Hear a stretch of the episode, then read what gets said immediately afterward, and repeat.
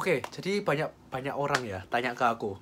Eh, Will, aku takut kalau belajar bahasa Jepang, sudah belajar bahasa Jepang tapi aku takutnya itu nggak kepake gitu. Gimana? Terus aku nggak yakin aku bisa ke Jepang gitu. Banyak orang bilang kayak gitu ke aku ya. Nah, gini, jadi gini, kamu belajar bahasa itu menurut aku nggak ada ruginya. Kenapa? Karena orang baik di negara Indonesia maupun di Jepang atau di mana pun itu mereka mencari juga mencari orang yang bisa bahasa Jepang gitu ya. Jadi di Indonesia pun mereka juga mencari kayak eh, sekarang juga banyak perusahaan-perusahaan Jepang yang ada di Indonesia kan. Lalu Jepang kan juga beberapa saat belakang ini juga pernah investasi ke Indonesia kan gitu.